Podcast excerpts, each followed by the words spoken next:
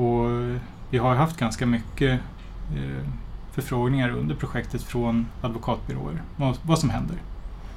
Och vi vet ju inte vilka som står bakom de här förfrågningarna. Eh, man kan ju bara spekulera.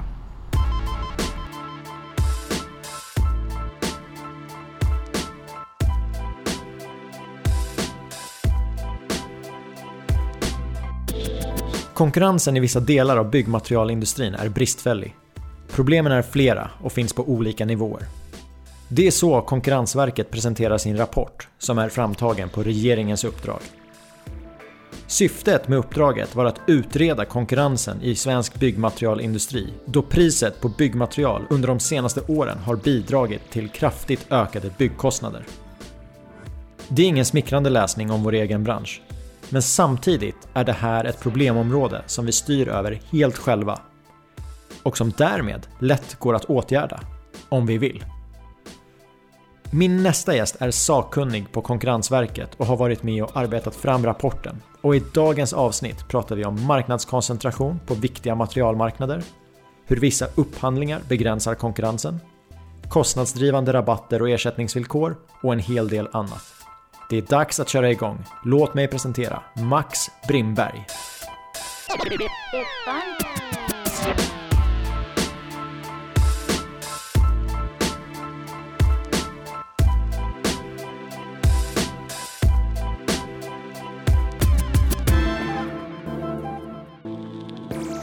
Varmt välkommen till hela kedjan Max.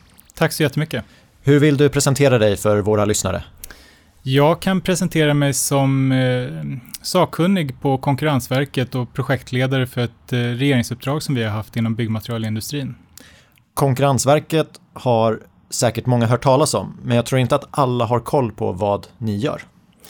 Eh, det är fint att du tycker att många känner till oss. Eh, Konkurrensverket är ju tillsynsmyndighet för konkurrens och upphandlingsfrågor och inom konkurrens så handlar det ju framförallt om karteller och missbruk av dominerande ställning. Eh, och i upphandlingsfrågorna så handlar det ju om otillåtna direktupphandlingar bland annat. Men det är ju inte där jag jobbar, utan jag jobbar ju på enheten för analys och forskning. Och där jobbar vi med konkurrensfrämjande åtgärder och uppdrags och bidragsforskning till nytta för bättre fungerande marknader. Jag var ute med barnvagnen för tre veckor sedan och i öronen hade jag en podd där du var gäst.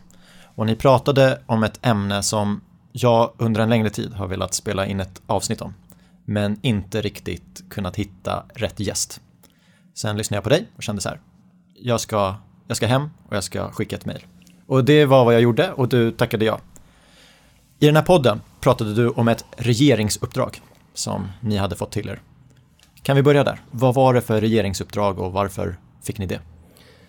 Våren 2020 så fick vi ett regeringsuppdrag eh, där vi fick i uppdrag helt enkelt att, eh, att undersöka eh, om priserna på byggmaterialmarknaden har, eh, har ökat på grund av brister i konkurrensen. Det här är ett uppdrag som vi både har efterfrågat själva men också som eh, politiker och andra myndigheter har sett varit nödvändigt att, att titta på eftersom byggmaterialpriserna har stuckit iväg väldigt mycket under väldigt lång tid. Och vad hände sen? Ni får regeringsuppdraget. Hur går ni tillväga sen?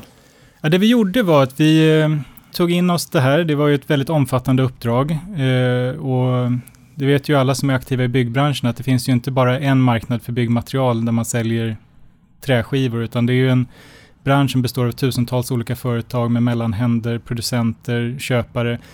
Det vi gjorde var att vi, vi inledde och körde ett, ett halvår ungefär där vi gjorde en förstudie för att avgränsa uppdraget eh, och titta på relevanta marknader som vi tyckte var eh, spännande att eh, fördjupa oss i. Där vi kunde se att vi kunde göra ett avtryck och hitta eh, områden där vi kunde föreslå åtgärder för förbättrad konkurrens. Det vi, det vi gjorde sen var helt enkelt att vi, vi tog in väldigt mycket data. Eh, både, eh, både statistik och gick igenom upphandlingar. Vi pratade med en stor mängd aktörer och förde, förde samtal med, med branschen. Eh, vi tittade på vad som har gjorts tidigare, rapporter, regeringsuppdrag, statliga utredningar. Eh, det var ett, ett, väldigt omfattande arbete som, som drog i väldigt många olika trådar. Eh, Eh, Och till slut så, så resulterade det i en rapport som vi lämnade över till regeringen den 21 december eh, 2021. Min uppfattning är att det här är ett känsligt ämne. Hur har ni upplevt eh, kontakten med byggbranschen? Jag antar att ni har skickat ut enkäter, ni har tagit direktkontakt. Vad har ni fått för respons på det här regeringsuppdraget? Det har varit väldigt blandad respons. De flesta tycker att det är, det är väldigt bra att vi tittar på det här för att det är, det är områden eh, som är väldigt viktiga. Det är samhällsekonomiskt betydelsefullt att, eh, eh, att kunna peka på vilka, vilka kostnadsdrivande effekter som finns på marknaden. Och sen har det varit självklart de som tycker att det här är, är ingenting som vi kan göra någonting åt. Det här är, så har alltid varit. Det är kulturellt betingat. Kostnaderna ökar för att de ökar, eh, inte för att det faktiskt finns en bakomliggande orsak, eh, utan det är helt enkelt de som tycker att det bara är för dyrt, att det är dyrt att bygga i Sverige. Eh, och egentligen kanske då inte vill se en orsak till varför. 21 december var rapporten klar. I den kan man läsa bland annat att konkurrensen i vissa delar av byggmaterialsindustrin är bristfällig. Ja, att konkurrensen i vissa led är eh, bristfällig är ju vårt sätt att säga att eh, eh, vi ser att den skulle kunna fungera bättre. Eh, och då eh, eh, tittar vi bland annat på sådana saker som antal leverantörer på vissa typer av material. Eh, där det både i producent och distributionsled har marknader som karaktäriseras av hög marknadskoncentration. och på ren svenska så betyder ju det att det är få aktörer som säljer det mesta av materialet. För det kan man ju också läsa och att det här innebär att beroendet av enskilda företag är stort, pristransparensen låg och konkurrensen begränsad. Vi har ju precis haft en sommar kring betongkrisen, att det fanns en dominerande aktör. Om jag läser det här så tolkar jag att det kan även gälla andra byggdelar. Det gör det ju absolut. Uh, och i den här avgränsningen som vi gjorde så valde vi ett antal olika material som uh, vi ville titta lite närmare på. Eh, vi kunde ju se att bland annat marknaderna för mineralull, eh, det vill säga alltså isoleringsprodukter, eh, gips, låsprodukter är typiska marknader där det finns väldigt få aktörer som säljer stora delar av, av materialet. Eller producerar stora delar av materialet. Och sen har vi också då grossistmarknaderna för, för installationsmaterial av el och VVS. där i princip två aktörer står för den största delen av marknaden. Konkurrensen i vissa delar av byggmaterialsindustrin är bristfällig och en av sakerna är att det i vissa led inte finns så många aktörer, det finns en marknadsdominerande ställning. Vad har ni mer hittat? En annan sak som vi har hittat är ju att upphandlingar inte alltid genomförs eh, som vi upplever det på ett effektivt och konkurrensfrämjande eh, sätt som är syftet med ett eh, konkurrens och upphandlingsregelverket finns till.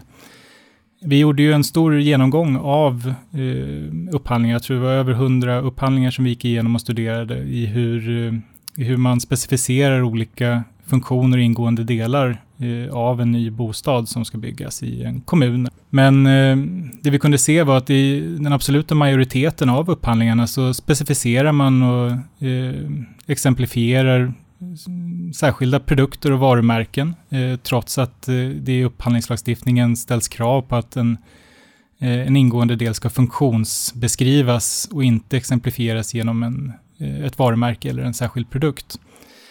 Eh, för det vi ser och det som vi har hört när vi har pratat med branschaktörer är ju att när man exemplifierar en produkt så får man ju också en styrande funktion i det.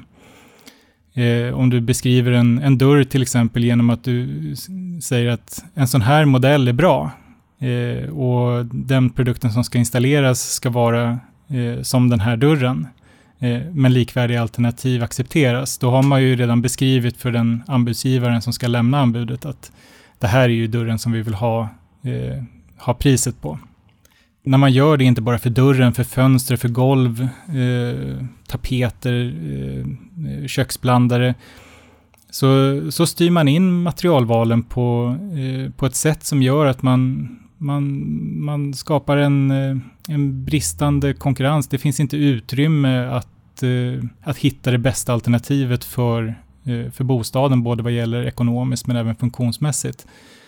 Och där tror vi att man behöver ha större förståelse för vilken, vilken effekt Eh, exemplifiering av produkter i upphandlingsunderlagen faktiskt kan få. Och att inte bara styra mot de stora marknadsledarna utan att faktiskt lämna öppet i upphandlingsunderlagen för, för konkurrens för att få den bästa produkten.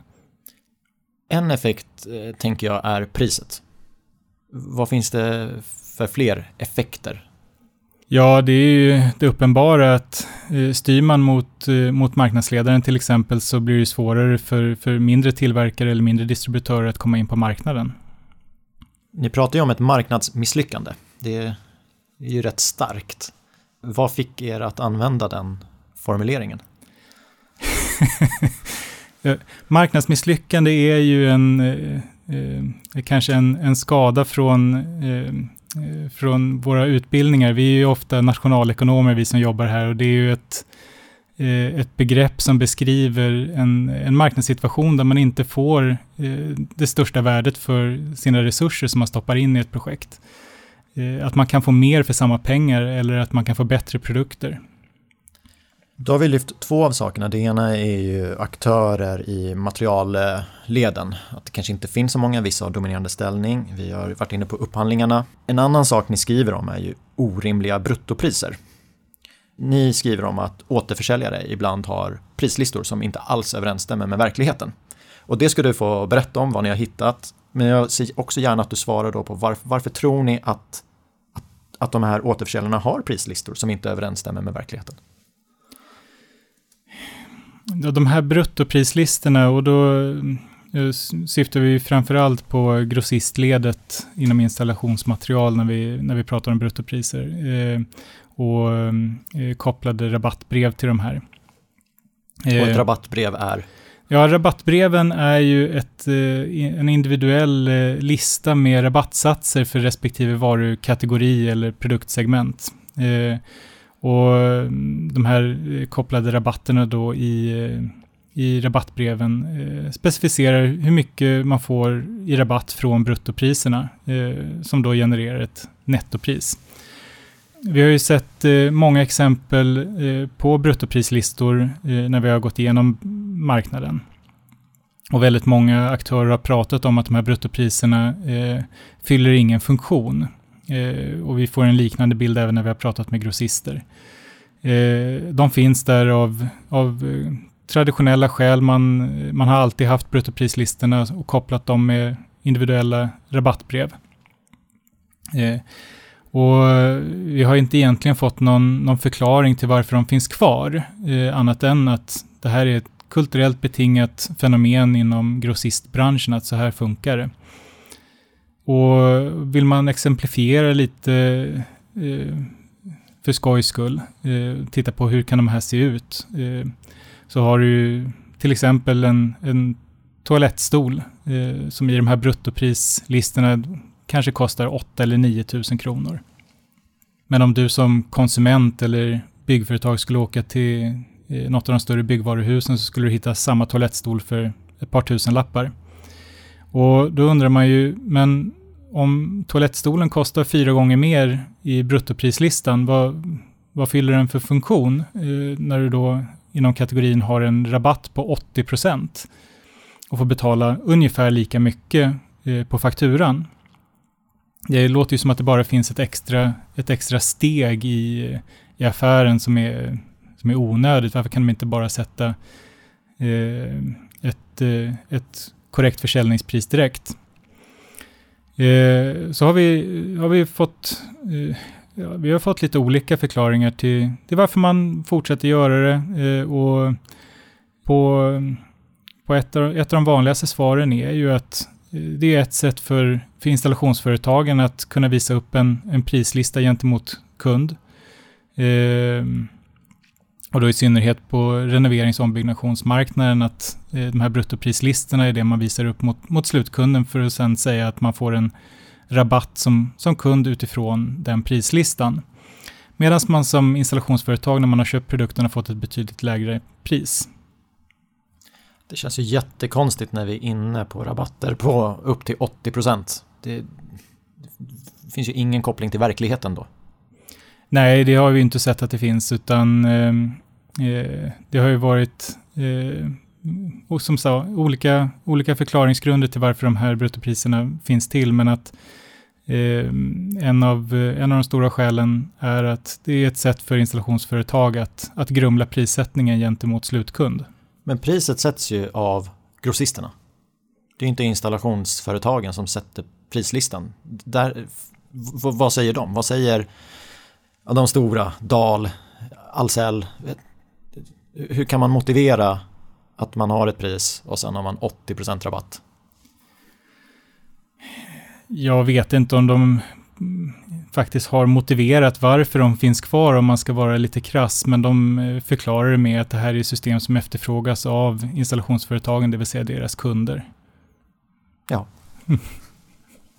nu pratar vi om toalettstolar och det är ganska lätt att ta in en prisjämförelse på en toalettstol.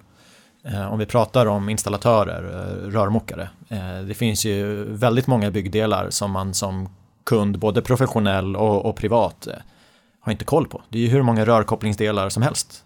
Och om de kostar 30 kronor styck eller 8 kronor styck. Jag, jag har inte den kompetensen eller tiden att, att göra de här undersökningarna. Så, så prislistorna, eh, det är ju inte bra att de är galna oavsett om jag betalar eh, det rabatterade priset. Eh, men det finns ju en del till i det här som ni också är inne på. Jag har valt att kalla det bakbonus. Jag vet inte vad ni kallar det i rapporten, men du får gärna förklara det fenomenet. Vi använder ju kanske ett mer teknokratiskt eh, språk och kallar de här olika formerna av bonusar, kickbacks, bakbonusar som du använder, vi, vi kallar det för retroaktiva rabatter.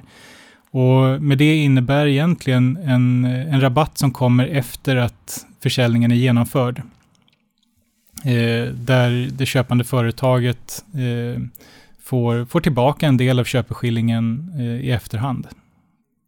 Och för att exemplifiera så, jag skriver ett avtal med en entreprenör om att ja, jag betalar för dina kostnader plus ett påslag. Den entreprenören redovisar sina fakturor för mig. Jag betalar det inklusive påslag och sen senare får den entreprenören tillbaka pengar i en retroaktiv rabatt som jag inte får ta del av. Är det här olagligt? Jag vet inte om jag kan svara på om det är olagligt eller inte, men det kan ju definitivt strida med, mot det avtalet som, eh, som du har skrivit med den entreprenören. Eh, ni avtalade ju om att eh, du skulle betala för entreprenörens kostnader med ett påslag. Om entreprenören då får egentligen ha lägre kostnader eh, än vad eh, den redovisar till dig, så gör ju den en, eh, en avans eh, som du inte är medveten om. Och det här är inget undantagsfall utan läser man rapporten så är det ju rätt så vanligt. Och då tänker vissa lyssnare, ja, men det har man ju på ICA också. Men där är den ju känd. Jag vet ju vad jag får tillbaka från ICA när jag handlar med ICA-kortet. Det är 2 eh, Vad ser ni för procentenheter i retroaktiva rabatter? I den enkät som vi gjorde eh, under uppdraget som vi skickade ut till installationsföretag så såg vi att eh, en stor majoritet av företagen får eh, bonusar och retroaktiva rabatter eh, som del när de handlar material från, eh, från återförsäljare. Och eh, det som är problematiskt är väl kanske inte egentligen att de får en bonus eh, och den bonusen kan variera mellan, ja, egentligen väldigt, väldigt lite. Någon procentenhet upp till det värsta som vi har sett är 20 procentenheter. Det som är problematiskt eh, är ju att eh, eh, i ett avtal mellan en köpare och en säljare där man ska betala för den faktiska kostnaden. Eh, om kostnaden då visar sig att den är lägre eftersom köparen av materialet, alltså in, installatör eller entreprenör, får en, eh, en ersättning i efterhand och, som då resulterar i ett de facto lägre inköpspris eh, så ska ju det komma beställaren till godo om man har avtalat om det. Eh, och det blir ju ett avtalsbrott eh, om, man, om, man, om man ser det på det sättet. Och det är väl här vi har en skillnad, för ibland så kommer ju diskussionen in på att eh, man har rabatter mot ett listpris som inte stämmer. Okej, okay, men det får jag ju ofta ta del av på fakturan jag får. Men en retroaktiv rabatt, har jag ju under mina tio år i branschen aldrig sett skymten av. Jag har aldrig fått igen någonting och jag har svårt att tro att inget av de här bolagen har en retroaktiv rabatt. Men jag kan ju heller inte kolla upp det. Eller kan jag? Det beror ju helt på. Eh, Hjälp mig. det, det, det, är klart att det kan ju skapa ett, ett omständigt extra steg i kontrollen mellan, eh, eller för, för, din, för din projektekonomi. Eh, men kan ju också vara väldigt nödvändigt att du kommer överens om mellan, mellan dig och eh, entreprenören att du ska ha rätt att få reda på vilka, vilka bonusar som ingår i, i deras avtal mot sina köpare. Eh, och det är väl som vi förstår ingenting som man normalt sett skriver in i avtalen idag. Eh, ofta då med, eh, med förklaringen att det är väldigt svårt att, eh, Eh, att redovisa de här retroaktiva rabatterna eftersom de ofta återbetalas till en central inköpsorganisation eller liknande. Att de hamnar på ett, ett klumpkonto för, för årsomsättningsrabatter helt enkelt hos installationsföretagen. Eh, det här eh, ser väl jag kanske personligen inte som en, eh, en, en rimlig ursäkt, eh, utan det handlar ju egentligen framför allt om hur man väljer att strukturera sin, eh, sin redovisning i företagen. Alternativt till hur man redovisar sin, sina kostnader gentemot, gentemot kund och beställare. Det är jätteintressant att när man köper varorna då är det ju viktigt att debiteringen sker på ett projektkonto. Men årsrabatten, den, den ska absolut inte hamna där. Den ska hamna på ett centralt konto. Jag får inte riktigt ihop det i huvudet. Nej, av någon anledning så är det här jättekomplicerat att ordna. Jag är inte redovisningsekonom själv, så jag vet inte riktigt hur det funkar, men jag vet ju själv, mina, mina bankkonton, det är ju ganska lätt att spåra eh, överföringar mellan dem. Så varför skulle inte det egentligen gå att göra eh, som installationsföretag. Du nämnde att jag eventuellt kan ta del av de här årsomsättningsrabatterna beroende på vad jag avtalar med eh, min entreprenör. Men jag upplever ändå att det är svårt för att vad ska jag göra om jag har en faktura från en grossist? Det är inte så att jag kan ringa dit och säga hej, eh, entreprenör A har gjort ett jobb åt mig och jag undrar vad de har för årsomsättningsrabatt. Det kommer jag inte få svar på. Nej, eh, vi förväntar oss ju inte att eh, grossister och installatörer ska delge sina eh, avtal mellan varandra. Det är, det är ju bara ingående avtalsparter som har egentligen rätt att ta del av eh, sina egna avtalsvillkor. Eh, det vi gör i, eh, i rapporten är att vi, vi uppmanar branschen att skriva, Eh, skriva avtal där man faktiskt redovisar de här sakerna redan från början. Eh, så att eh, det finns en tydlig transparens i vilka kostnader som faktiskt är aktuella i, i varje enskilt fall. Sen är det väl flera delar tänker jag i, i fastprisentreprenader. Ja, men då är vi överens om ett pris. Och om du får en årsomsättningsrabatt, ja men det är väl kul att det kan täcka upp om du har räknat fel. Det är fine. Men en stor grej som det trycks på i branschen är ju förtroendeentreprenader, partnering. Och ett partneringupplägg är ju oftast att byggaren redovisar sina kostnader för beställaren och så har man ett påslag för organisation eh, och också för sin vinst. Det är ganska många miljarder. Om vi har den här skeva konkurrensen i byggmaterialsindustrin där vi har vi fokuserar på årsomsättningsrabatten som kan vara från några få procent till tvåsiffriga procenttal. Det är rätt mycket pengar eh, som hamnar då utanför det här förtroendet. För det är inte det vi är överens om. Nej, så är det ju. Eh, och just när det kommer till, eh, till partneringupplägg eller projekt som redovisas enligt löpande räkning så har vi ju sett att det, det finns ju två stycken sidor också som är eh, eh problematiska ur ett beställarperspektiv. Och det är ju att man lämnar väldigt mycket makt åt, åt den entreprenören som ska utföra uppdraget. Eh, och tittar man då på det här med, med retroaktiva rabatter eller kickbacks och bonusar Eh, så, eh, så ser man ju faktiskt inte vad, vad kostnaden är eh, på fakturan som redovisas. Eh, utan du, du tror att och litar på att entreprenören som utför uppdraget ska, ska köpa det materialet till, till det bästa priset, den bästa produkten för pengarna helt enkelt. Eh, men det, det lämnar du ju upp till, till utföraren, entreprenören att göra.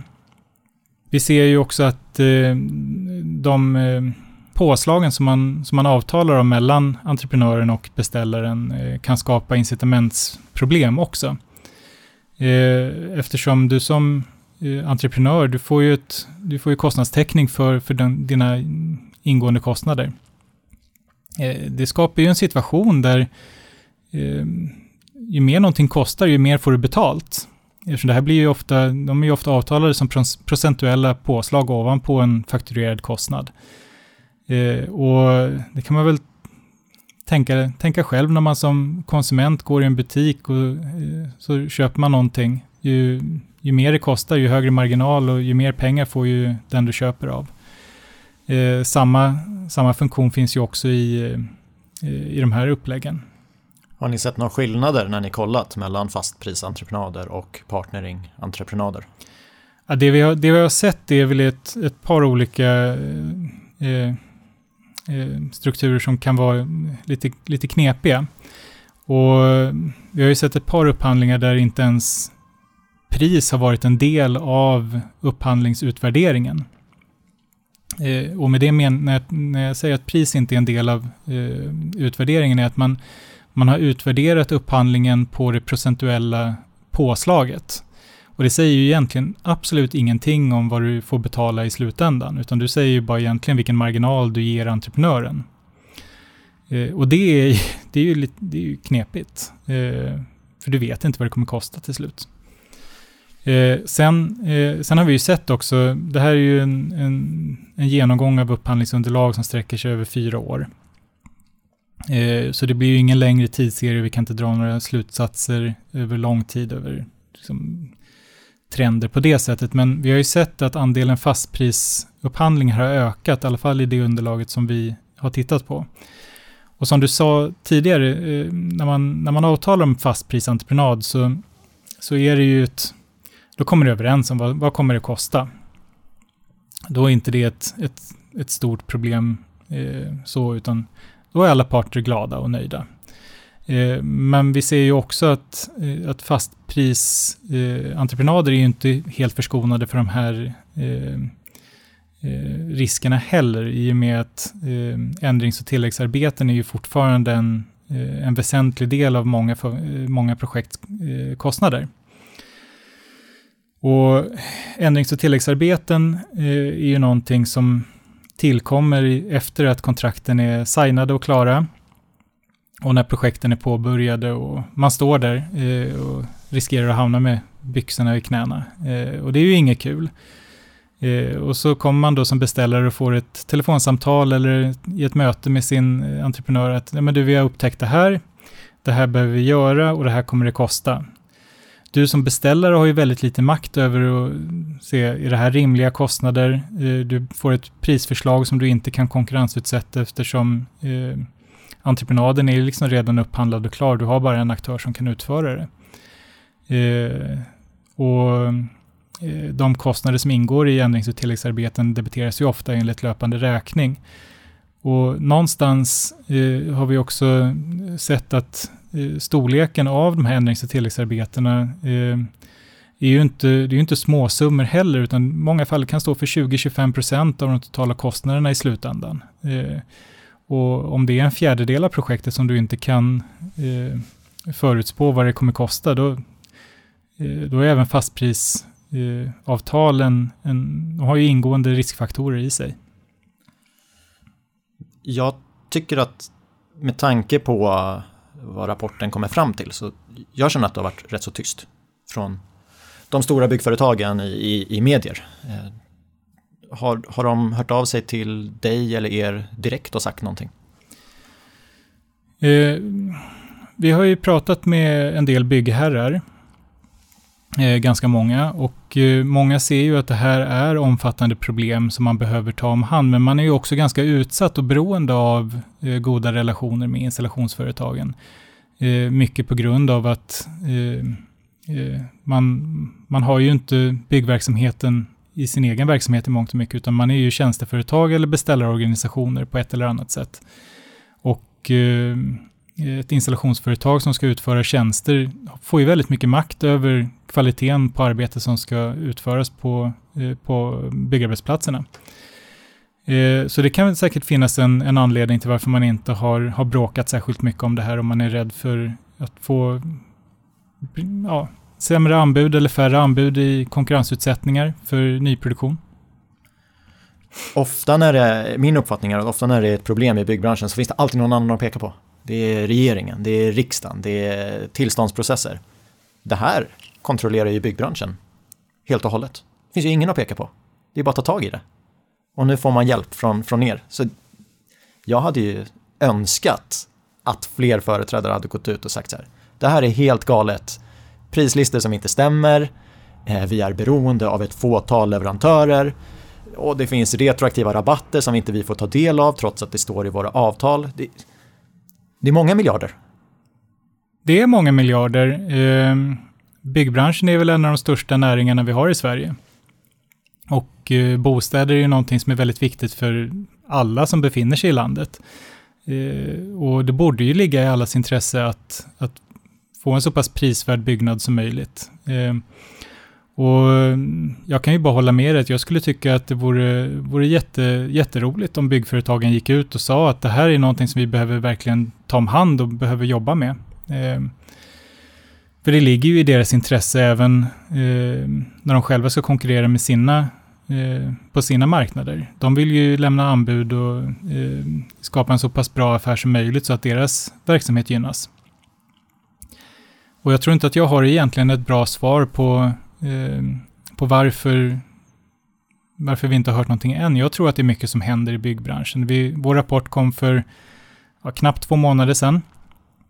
Och eh, i en, eh, en bransch som kanske är lite trögrörlig, jag pratar ju mest för min egen verksamhet inom offentlig eh, förvaltning, eh, som inte alltid är mest känd för att vara den, den snabbrörligaste. Eh, byggbranschen har ju inte visat sig vara den snabbrörligaste branschen tidigare heller. De ofta legat steget efter i implementering av olika typer av moderna verktyg. Eh, det kanske tar en stund för dem att svälja och se vad det här kan innebära för dem. Eh, så eh, jag hoppas att det kommer hända saker framåt, där man faktiskt tar till sig de slutsatser som vi har kommit fram till i vår rapport.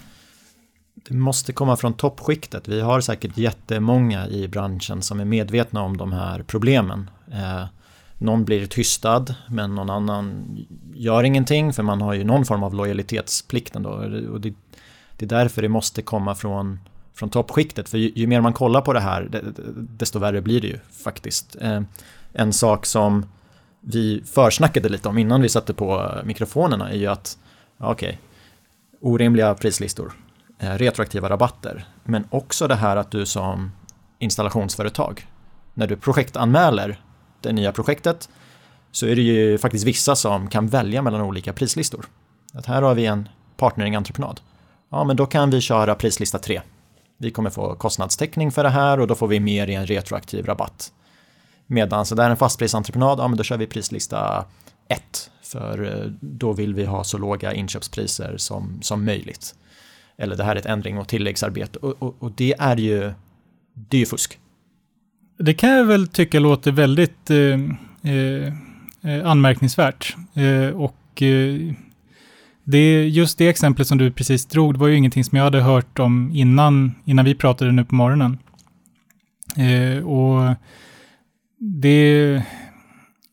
Jag kan ju tycka att när man, eh, när man eh, strategiskt väljer prislistor för att eh, öka på sin lönsamhet för att eh, för att lura en beställare, enligt det exempel som du precis drog, var, det, är, det gränsar ju till korrupta affärsbeteenden när man inte har rent mjöl i påsen och har sin, sin kunds bästa i åtanke.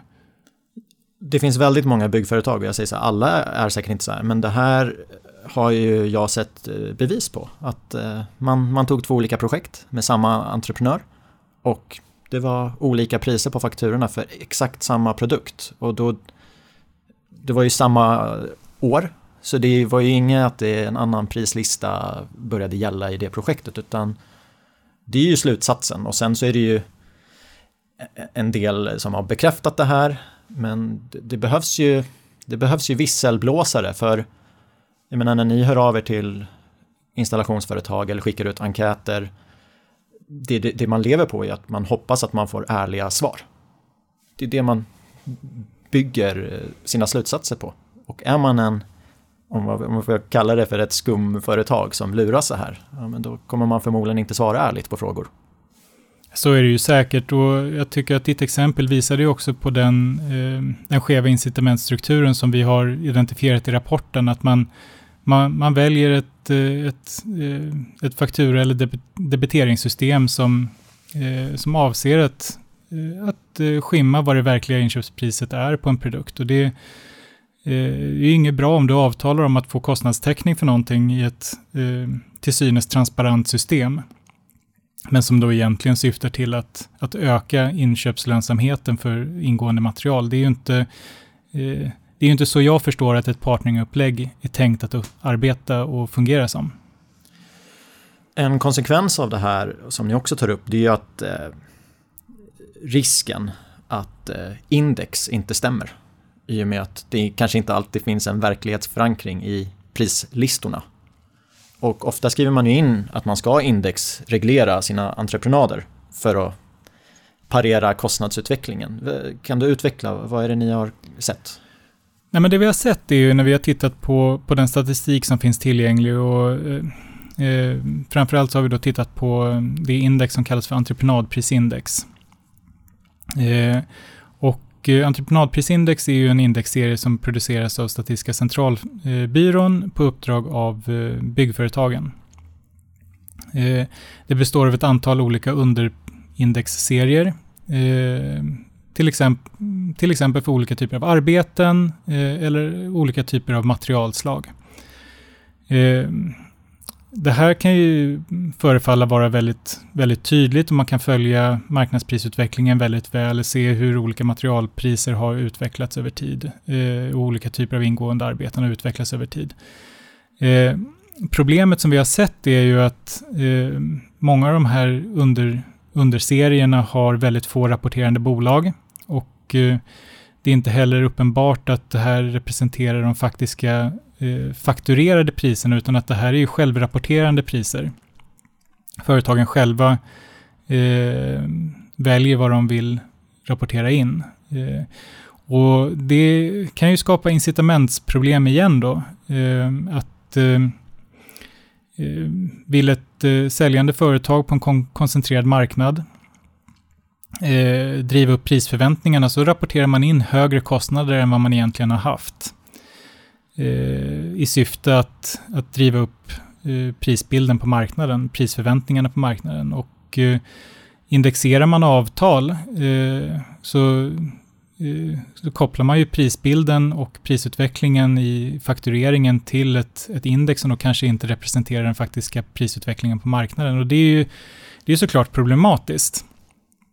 Eh, och vi, eh, vi landade i att vi kunde inte se att det här faktiskt Eh, vi kunde inte verifiera att det faktiskt var de här priserna, för det var många aktörer på marknaden som sa att men det här är ju inte, det stämmer ju inte överens med våra inköpskostnader. Pris, prisutvecklingen har ju varit eh, betydligt lägre eller eh, eh på annat sätt avvikit från vad som representeras i index. Och då, då började vi tänka lite. Vi gjorde ju faktiskt en uppföljning av ett ett eh, förvärv inom fjärrvärmerörsbranschen här för ett par år sedan. Där vi hade sett att entreprenadprisindex hade stuckit jättemycket efter det här förvärvet. Eh, och eh, i den uppföljningen gick vi ut och pratade med, med aktörer, tog in, eh, eh vilka, tog in priser på fakturor och eh, jämförde avtal mellan olika aktörer. Eh, och kunde se att eh, prisutvecklingen, den stämde ju inte alls med hur entreprenadprisindex hade utvecklats, utan eh, snarare med hur råvarupriser och energipriser hade utvecklats för stål och kol och elenergi. Och vi drog, drog en förlängd slutsats utifrån det då att det är väldigt viktigt att, Eh, att företag som indexerar sina avtal eh, är försiktiga med till vilket, vilket index man kopplar avtalen. Eh, och vi föreslår i rapporten att man ska man ska överväga att koppla ett, ett indexerat avtal kanske då till exempel till konsumentprisindex eller till ett råvaruprisindex istället för att eh, ha en stabilare prisutveckling när man tittar på prisutvecklingen i samhället i stort eller mot eh, relevanta råvaror, hur de utvecklar sig. För köper du, bara som ett exempel, eh, eh, betong så kanske du ska koppla det till utsläppsrättsutvecklingen eller eh, el eller kolprisutvecklingen istället. För att få en, en, rimlig, eh, en rimlig indexering där du följer tillverkningskostnaden snarare än försäljningspriskostnaden. Vi har kommit till slutet av vårt samtal. Eh, en sak som jag tänker att vi ska avsluta med det är ju att ni kom ändå fram till att branschen behöver ta ett omtag. Ja, jag tror att branschen behöver ta ett omtag och att man behöver se över vad man, vad man vill göra, eh, hur man vill synas eh, och hur man vill uppfattas eh, som näringsgren. Eh, det är en av Sveriges största industrier. Eh, man dras med rykten om att vara ineffektiv. Eh, och ryktena bekräftas ju ofta i Eh, produktions eh, och produktivitetsundersökningar som görs. Eh, och jag tror att man har allt att vinna på att försöka tänka om och göra om och göra rätt. I synnerhet med sådana här saker som allt från rabatter till standardisering till hur man skriver sina upphandlingsunderlag. För varje, varje liten del kostar pengar och varje liten ineffektivitet driver ju kostnaderna. Eh, och jag tror att branschen har allt att vinna på att ta de här frågorna på allvar. Men vad får dig att tro det? Finns det inte en annan del, att om branschen inte gör någonting, då är det ju som det är nu och då fortsätter vi att tuffa på? Ja, och då kommer kostnaderna att öka och vi kommer fortsätta eh, tröska de här problemen i flera decennier till. Eh, det kommer bli fler utredningar till höger och vänster från eh, statligt håll, från myndigheter som fortsätter påtala de här problemen. Men till syvende och sist så är det ju upp till branschens aktörer att, eh, att göra de förändringarna som finns. Eh, och vill man vara lite radikal så kanske det finns aktörer som kommer att tränga ut de befintliga stora aktörerna om man går in på marknaden aggressivt och börjar konkurrera och faktiskt bygga eh, billigare, effektivare bostäder. Eh, och det har vi ju sett. Paradigmskiften sker ju hela tiden i olika branscher och det finns ju ingenting som säger att byggbranschen är immun mot den typen av förändringsarbete heller. 172 sidor finns att ladda ner på er hemsida. Men det är ju också ett regeringsuppdrag, så vad, vad händer nu? Eh, ja, det här är ju ett, eh, en rapportering av ett regeringsuppdrag, precis som du säger, och vårt uppdrag har ju varit att svara på regeringens fråga om eh, eh, de kostnadsökningarna som har, har skett på byggmaterial har varit grundat i konkurrensproblem eller bristande konkurrens. Eh, och rent tekniskt sett så är det väl där vårt uppdrag tar slut, men vi har ju ett, eh, fortfarande ett, ett, stort jobb att göra när det kommer till informationsspridning eh, av de eh, slutsatser som vi kom fram till i rapporten. Och det är någonting som kommer pågå under en tid framöver. Eh, både genom att vi deltar i ett antal eh, konferenser här nu under, under våren. Eh, och vi planerar även för ett antal seminarier med branschen som vi kommer att avisera om under ett senare tillfälle. Och det finns ju lite fortsättning att ta tag i om, om det blir så, tänker jag. Det gör det nog definitivt. Det är ett stort område, många branscher, många aktörer. Det är kul med mycket problem som man kan ta tag i, även om problemen i sig kanske inte är så roliga att eh, identifiera, eftersom det visar ju på de brister som finns. Och då ser jag fram emot att träffa dig igen och prata vidare om, om det här. Absolut. Tack för att du gästade hela kedjan. Tusen tack.